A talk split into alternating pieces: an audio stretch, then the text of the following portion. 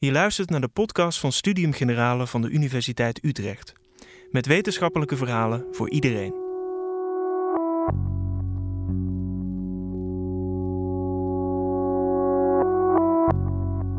Er valt veel aan te merken op onze democratie. Maar in Nederland krijg je in principe wel de vrijheid om uit te vogelen wat voor jou van waarde is. Denker des Vaderlands Marjan Slop vertelt waarom dit volgens haar cruciaal is.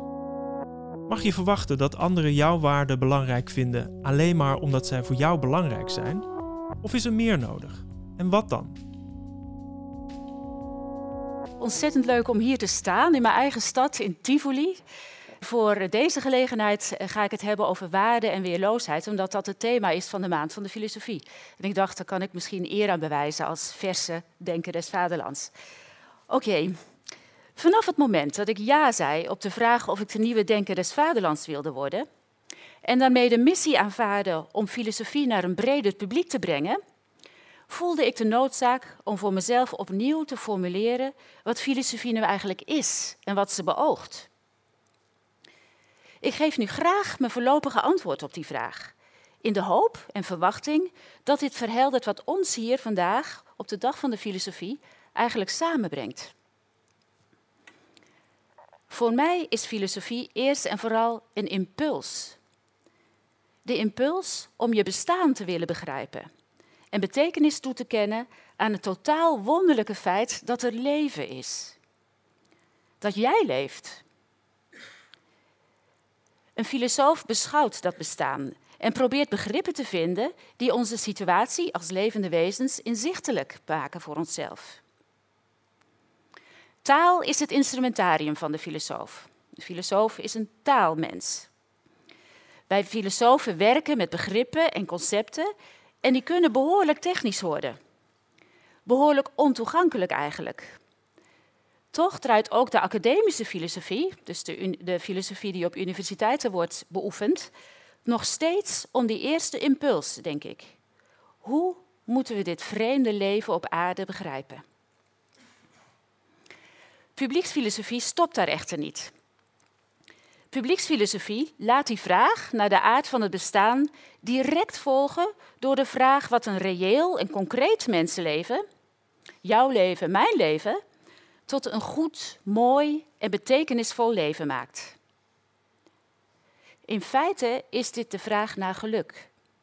Hoe kunnen wij, gegeven wie wij zijn als mensen, gelukkig zijn? Hoe ziet geluk eruit voor onze soort? Op die vraag zijn in de loop van de geschiedenis veel verschillende antwoorden gekomen. Geen mens kan al die antwoorden overzien, laat staan doorgronden. Ik weet dat heel veel gedachten van filosofen mij ontgaan. En dan ben ik ook nog eens louter geschoold in de westerse filosofie. Maar het besef dat zoveel me ontgaat, kan ook een bevrijding zijn. Als overzicht sowieso onmogelijk is, dan kan ik net zo goed mijn hart volgen en me verdiepen in de filosofen die me aantrekken en wiens intenties ik vertrouw. Een van mijn favoriete filosofen is Richard Rorty. Een Amerikaanse pragmatische filosoof die in 2007 overleed. Wat ik zo aantrekkelijk vind aan Rorty is, uh, is zijn humane stem en zijn oog voor de rommeligheid en toevalligheid van het concrete dagelijkse bestaan. In zijn denken maakt Rorty onderscheid tussen twee soorten filosofen. Zij die qua temperament, want het is eigenlijk altijd een kwestie van temperament. Dus zij die qua temperament eerst en vooral geïnteresseerd zijn in het publieke domein en zich afvragen wat goed samenleven van mensen vraagt, zoals Habermas en Rawls bijvoorbeeld. En het type filosofen die willen doorgronden wat ertoe doet in de pogingen van ieder mens om zijn of haar eigen leven zo goed mogelijk te leven. Zoals Nietzsche en Foucault. We hoorden net al eventjes voorbij komen. Nou, wat ik zo heerlijk vind aan Rorty is dat hij niet de neiging heeft om het ene domein boven het andere te plaatsen. Dus hij zegt niet het publieke is belangrijker dan het particuliere of andersom. Een neiging die heel veel filosofen wel hebben, dan willen ze toch eigenlijk weer ondervoegen of ja, weet je, onderbrengen in het andere domein. Beide domeinen, het sociale en het individuele, zijn nodig voor een rijk mensenleven. In het verloop van mijn praatje ga ik proberen om het thema van deze maand van de filosofie, weerloos en waardevol, losjes en in de geest van Rorty toe te passen op die twee nevengeschikte velden of domeinen.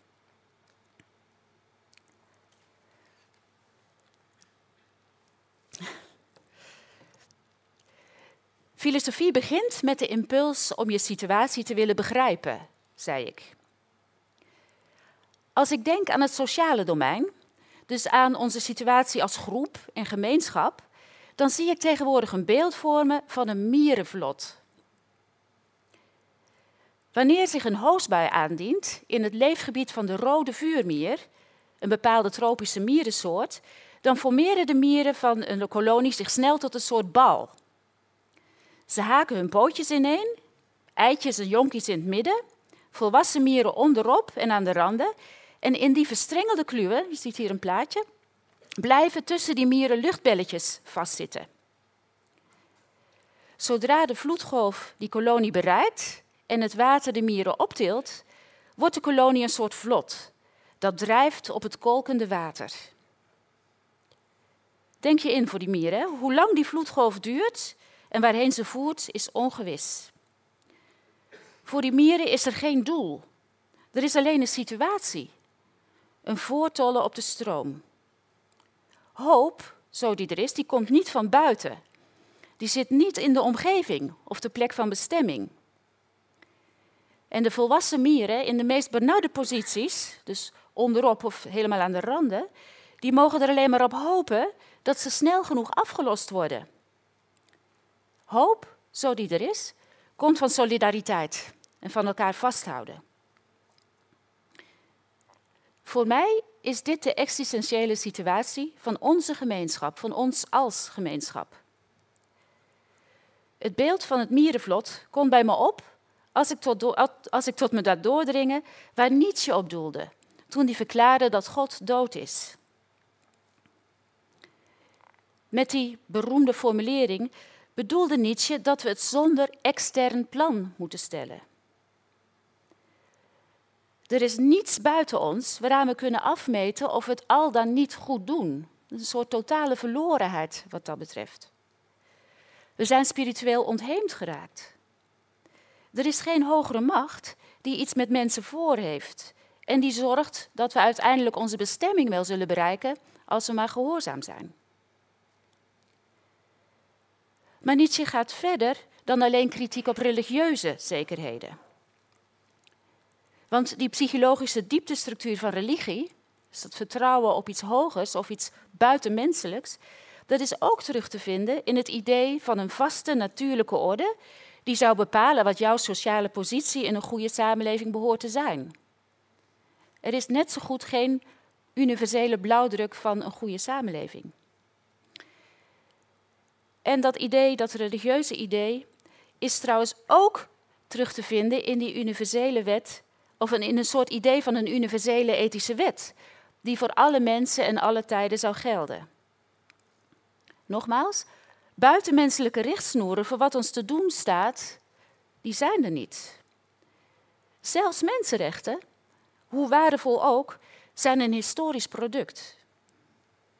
Ze lagen niet ergens voor het oprapen, maar gingen pas bestaan toen ze geformuleerd werden.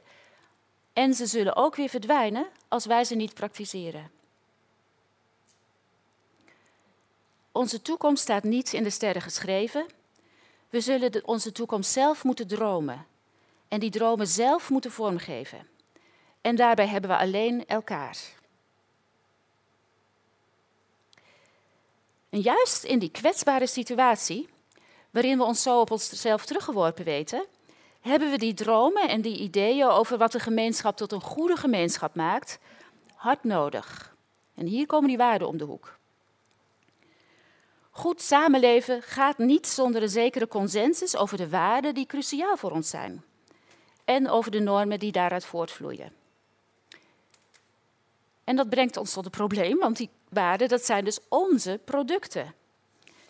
En onze redenen voor die waarden, ook de goede redenen, zijn onvermijdelijk ingebed in een bepaalde tijd en plek en geformuleerd in de woorden van een bepaalde gemeenschap. Wij zijn als die mieren. We houden elkaar vast met, met eh, woorden en waarden.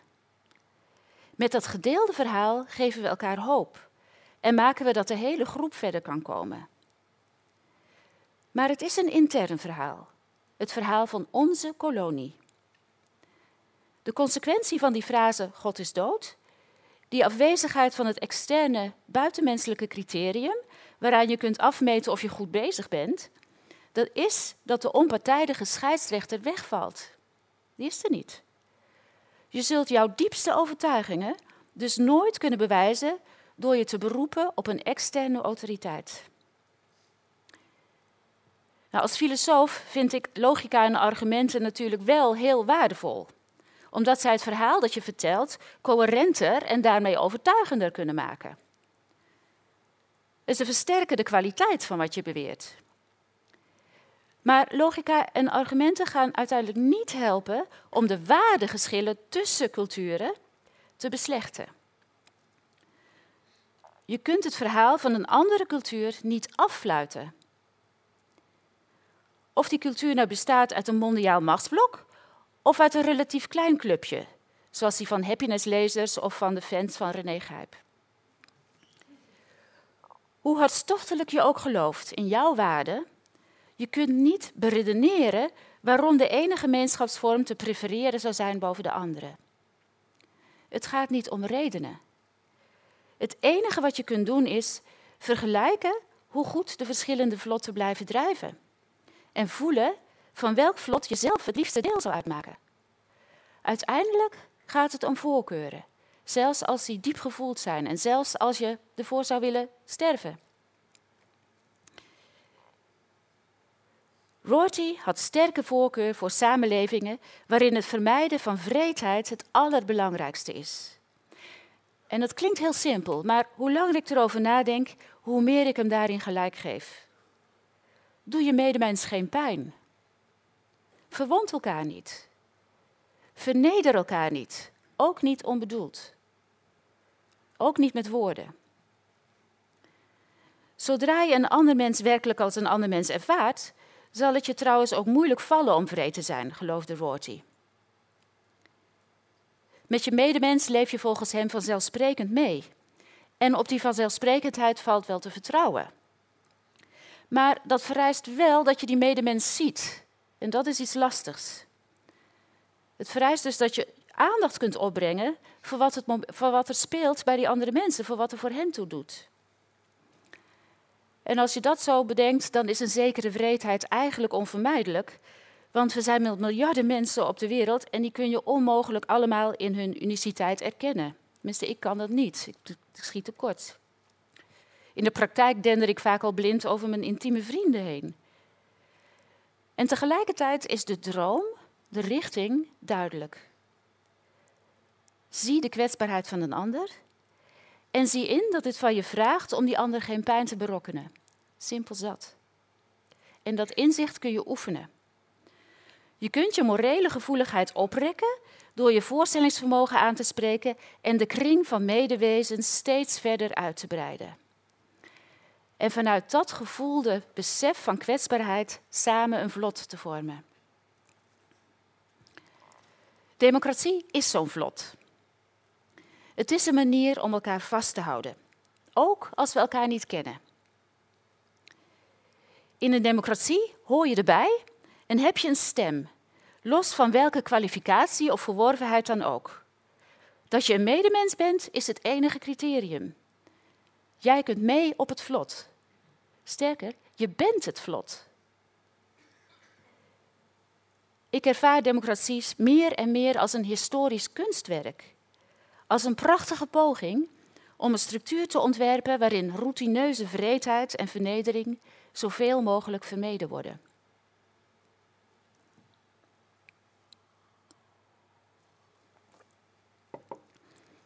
En natuurlijk is er van alles mis met de democratie, hè? Met, met de democratie hier en nu. Persoonlijke machtswellust, veel te grote vermogensverschillen, botte onverschilligheid, Ze doen de luchtbellen tussen onze pootjes knappen en tasten het drijfvermogen van het vlot aan. En serieus ook. Daar kun je verontwaardigd over zijn en ik zou zeggen, wees dat vooral.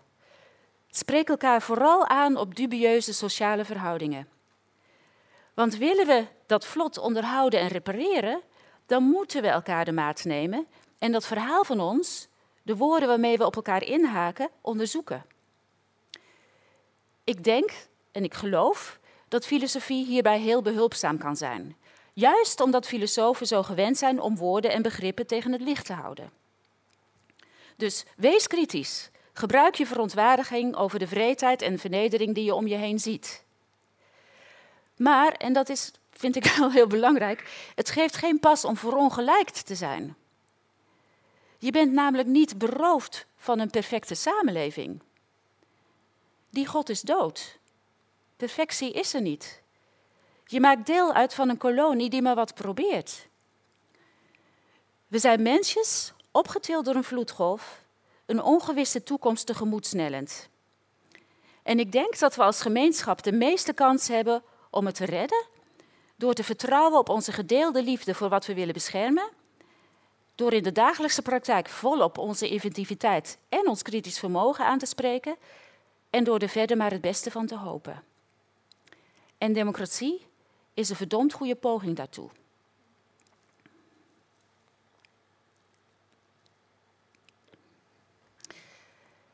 Niet iedereen ervaart democratie eerst en vooral als een fragiel kunstwerk, zoals ik. Ik hoor veel terechte kritiek op het democratisch bestel en misschien nog wel meer verongelijkte geluiden. En ook al vind ik dat getoeter soms niet om aan te horen, het geeft in ieder geval aan dat we gehecht zijn aan het idee van democratie. Ik ben er minder van overtuigd dat het ook opgaat voor dat andere domein. Dat Rorty dus net zo belangrijk vond als het publieke domein. Namelijk de binnenwereld van ieder mens. De manier waarop ieder van ons innerlijk een enorme kosmos in zich draagt, die, die eeuwig verkend kan worden in je, je leven lang. Hier gaat de filosofische aandacht naar de intieme ruimte, waar je zelf uitzoekt wat er voor jou toe doet en wat voor jou van waarde is. Goed leven in de filosofische zin vraagt niet alleen om goed samenleven, maar vergt ook dat je als mens steeds opnieuw duidt hoe het bestaan voor jou voelt en hoe jij zou kunnen worden wie je zou willen zijn. Die antwoorden formuleer jij. En in die zin zijn ze hoogst persoonlijk. Maar natuurlijk doe je dat niet in isolement. Pure oorspronkelijkheid is een waanidee. Ook je binnenwereld verken je met de woorden van andere mensen. Met de woorden die je cultuur je aanreikt. Die woorden zijn manieren om met jezelf en je omgeving om te gaan. Het zijn als het ware gestolde omgangsvormen. En ze dragen een soort script in zich. Bepaalde woorden en eh, manieren van praten maken een bepaalde manier van doen logisch en wenselijk en voor de hand liggend. Ze leggen als het ware rollen voor je klaar. Een andere mogelijke bestaanswijze, andere manieren van leven, worden daarmee naar de achtergrond gedrukt. Daar zijn dan minder woorden voor. En soms voel je dat. Soms merk je, er roert zich iets in me. Een zorg, een verlangen. Iets wat me ten diepste drijft, maar waarvoor ik de woorden niet vind en niet weet en niet zie in mijn omgeving, niet hoor in mijn omgeving. Iets belangrijks komt niet aan bod. Zelf had ik dit gevoel heel sterk als adolescent, zo de tweede helft van de middelbare school. Ik klapte soms bijna uit elkaar van ik weet niet wat. En ik wist niet hoe ik voor mezelf uit moest drukken wat, wat me dwars zat en wat ik nou eigenlijk wilde. En ik kreeg ook heel weinig voorbeelden aangereikt. Ik dacht alleen, dit kan het hele leven niet wezen. Het moet anders kunnen, er moet meer zijn. Die ongedurigheid is een vorm van onbehagen. Want ik wist dus niet, ik kon me niet uitdrukken. En het is in die zin niet fijn. Maar het kan ook het begin zijn van creatief verzet. Van het maken van nieuwe scripts. Het beproeven van nieuwe manieren van doen en ervaren die ingaan tegen dat wat als vanzelfsprekend wordt gepresenteerd. maar wat voor jou sleets voelt. Verzet dat jou aanzet om iets nieuws te maken en te proberen. Verbeeldingsverzet noemt de Vlaamse filosoof Chris Print dat mooi. En soms, soms dan slaan de producten van dat verbeeldingsverzet aan in de cultuur. Dan breng je nieuwe taal en nieuwe manieren van doen in omloop, waar andere mensen zich bij aansluiten. Dankzij die nieuwe taal van krachtige makers, dankzij die nieuwe expressievormen, kunnen ook andere mensen zichzelf anders gaan begrijpen. En ik zeg hier wel taal, maar dat komt omdat ik een filosoof ben en taal mijn ding is. Maar het, het gaat eigenlijk over alle expressievormen. Breakdance bijvoorbeeld is een manier bewegen, van bewegen die heel lokaal ontstond in de Bronx in de jaren 80, maar die toch doorbrak omdat, um, omdat zoveel mensen zich daarin herkenden en dachten, ja, via breakdance, kan, via die nieuwe vorm, die, die niks te maken had met de klassieke dans, kan ik iets tonen wat voor mij vanuit mijn binnenwereld belangrijk is in mijn leven. Dus breakdance kon zich verspreiden. Als ik het over dit soort dingen heb, dan moet ik altijd denken aan een held van mij, David Bowie. Bowie die durfde begin jaren 70 al androgyn te zijn. Eigenlijk de queer bij, uh, ja, de queer aller queers. Hij was sexy op een manier die niets te maken had met de gebruikelijke macho-stijl. Hij zette zijn lichaam in, poseerde, liet zich bekijken, om dan lachend weer te transformeren. Bowie bracht de cultuur van zijn tijd in verwarring, omdat hij met de geëikte scripts brak. Hoe een man zich gedraagt, hoe een rockster zich gedraagt. En je kon toch niet om hem heen, omdat hij zoveel mensen met zijn muziek en zijn performance wist te raken en in vervoering bracht. Veel mensen herkenden iets in hem. Dat is gek om iets te herkennen wat er nog niet was, maar toch dat gevoel. Je herkent iets wat nieuw is. En ze voelden zich daardoor bevrijd. Hij maakte dus een manier van zijn mogelijk, en zelfs aantrekkelijk, die nog nooit eerder vertoond was. Ik denk dat Bowie heeft kunnen uitgroeien tot zo'n iconische vernieuwer, omdat hij voor zichzelf onder ogen durfde te zien dat hij nooit helemaal paste, of nooit helemaal paste. En dat hij dat serieus nam, dat niet helemaal. Bij een goed mensenleven hoort dat je de ruimte krijgt en neemt om jezelf deels ook als vreemd te ervaren. Want die vreemdheid, dat gevoel dat je niet helemaal overeenstemt met wat gewoon gevonden wordt, dat je om je heen geen weerklank vindt voor iets wat belangrijk is in jouw leven, in jouw binnenwereld, die ongedurigheid, dat is de impuls tot creatie, tot breken met de conventie en bevrijdende nieuwe manieren van zijn.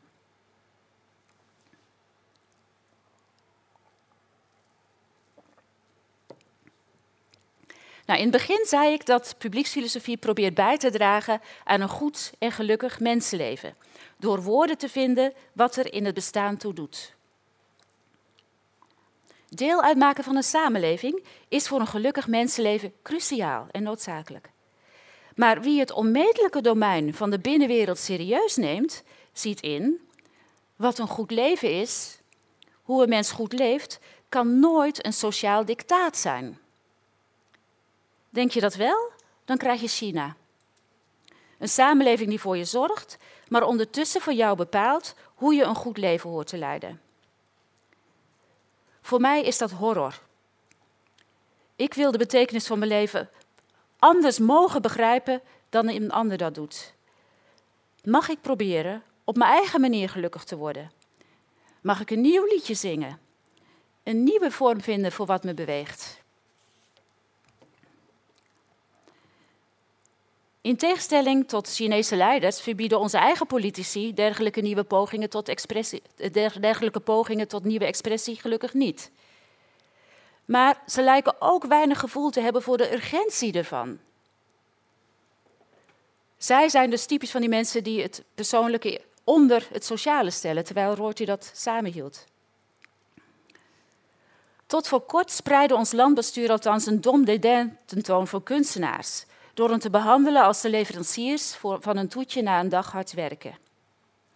Terwijl kunstenaars dus iets vitaals doen. Zij nemen het op zich om vorm te geven aan wat er in hun binnenwereld van waarde voelt.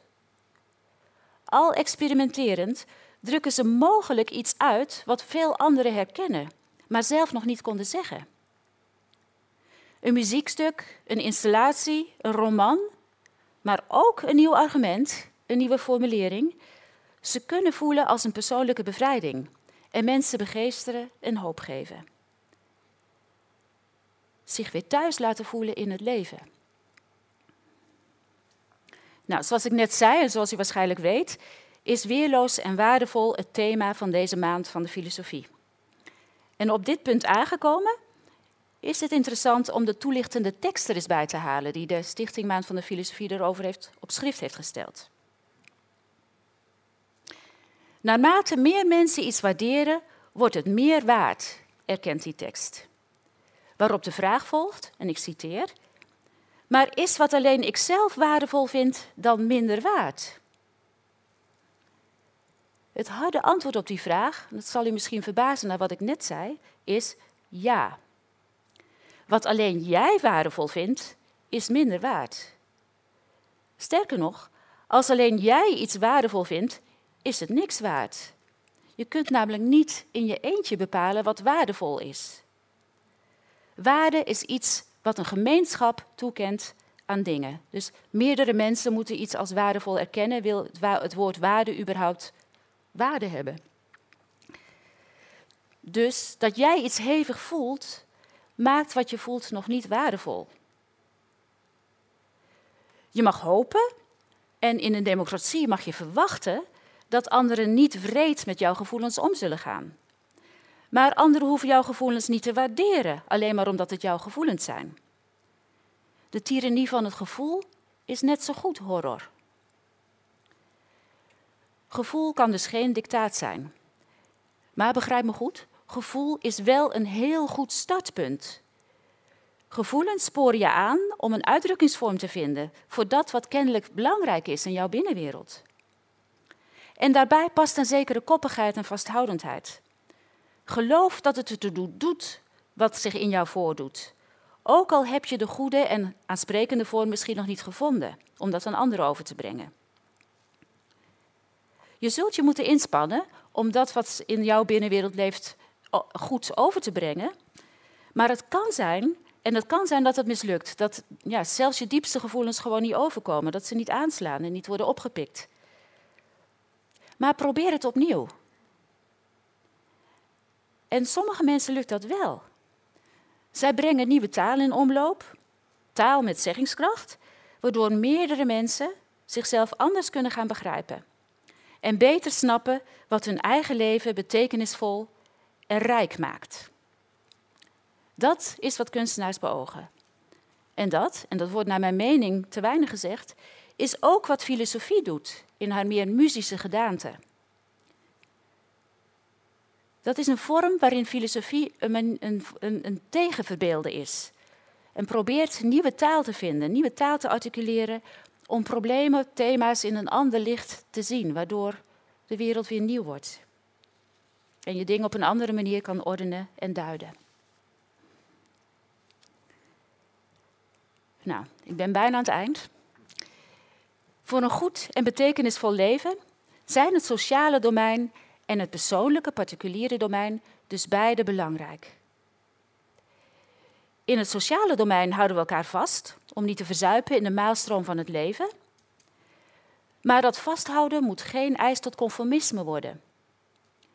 Want voor een goed en betekenisvol leven is het ook van het grootste belang dat je zelf kunt uitdrukken wat er voor jou toe doet. En je eigen pogingen kan vinden om waarde toe te voegen aan de samenleving. Steeds opnieuw. En als je dat ook voor anderen veelzeggend weet te maken, dan heb je wat weerloos was waarde gegeven. Dank u wel.